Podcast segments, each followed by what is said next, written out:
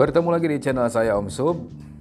Kali ini saya ingin mencari kata di internet yaitu uh, mengenai keberadaan kerajaan Sunda Empire.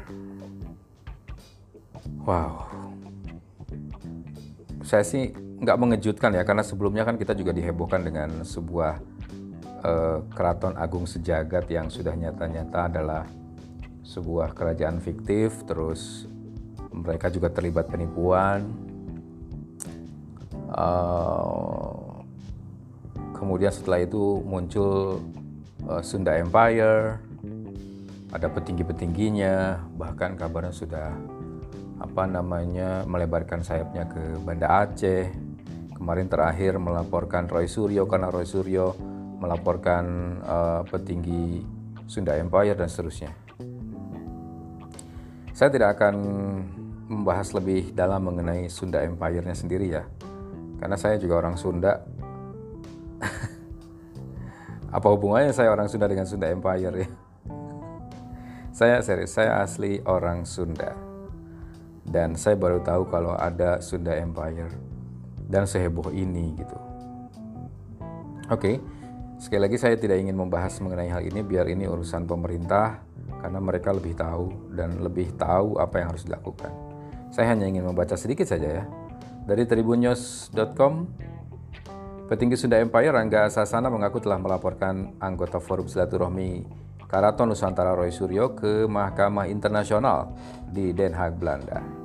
Rangga Sasana yang menjabat sebagai Sekretaris Jenderal Sunda Empire tersebut membantah tuduhan Roy Suryo yang menganggap Sunda Empire mengubah data di Wikipedia terkait sejarah PBB dan juga NATO. Terakhir sih saya lihat eh, Pak Rangga ini di ILC ya. Setelah itu memang saya jarang banget ngikutin berita-berita di TV ya. Namun video ini akan sangat singkat sekali ya, mungkin sekitar 3 atau 4 menit saja. Yang saya heran adalah mungkin yang belum tersampaikan kepada masyarakat adalah maksud dan tujuan ada pengakuan kerajaan-kerajaan baru begitu ya. Di luar memang ada kerajaan-kerajaan yang sudah diakui. Kalau kami di karena saya dekat dengan Cirebon, saya di Kuningan. Di Cirebon itu ada kesultanan, ada kasepuhan, ada kanoman, ada kaprabonan, semuanya masih ada rajanya, semuanya masih tertata dengan rapi, terjaga dan seterusnya. Dan semua orang tahu bahwa itu adalah um, apa ya? Pertama kali Cirebon berdiri ya karena karena Sunan Gunung Jati, karena para tokoh-tokoh saat itu dan seterusnya ya. Artinya tidak bisa disangkal bahwa saat itu memang ada sebuah kerajaan di sini. Tapi kalau kemudian tiba-tiba hari ini ada ada sebuah perkumpulan masyarakat mengaku dirinya adalah sebuah kesultanan, sebuah kerajaan. Ya, saya sih izin ketawa aja. Tapi izin ketawanya bukan mentertawakan ya, mungkin karena ketidak ketidaktahuan saya atau ketidaksampaian informasi itu kepada saya.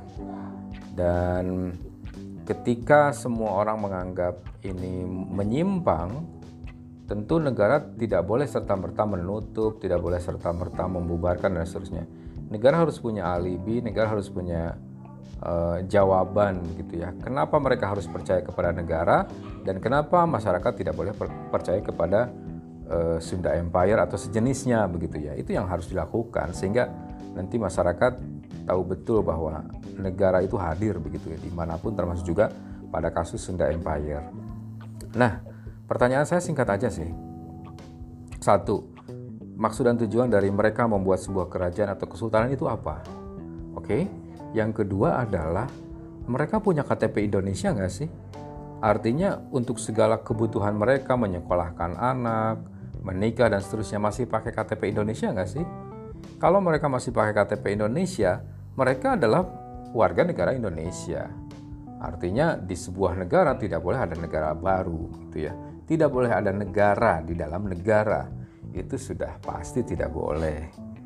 Jadi apakah kemudian eh, perkumpulan-perkumpulan ini hanya sebatas ormas masyarakat atau memang mereka benar-benar merencanakan membuat sebuah negara atau kita kenal dengan sebutan makar begitu ya.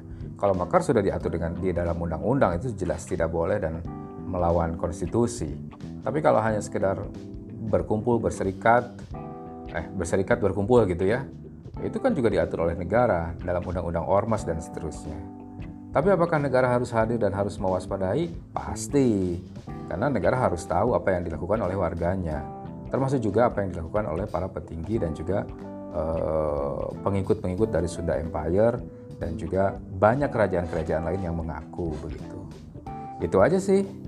Ada yang tahu jawabannya? Komentar di bawah ya. Dan jangan lupa di subscribe channel ini karena channel ini khusus membuat podcast tidak bergambar alias hanya audio. Saya Om Sub, sampai jumpa. thank you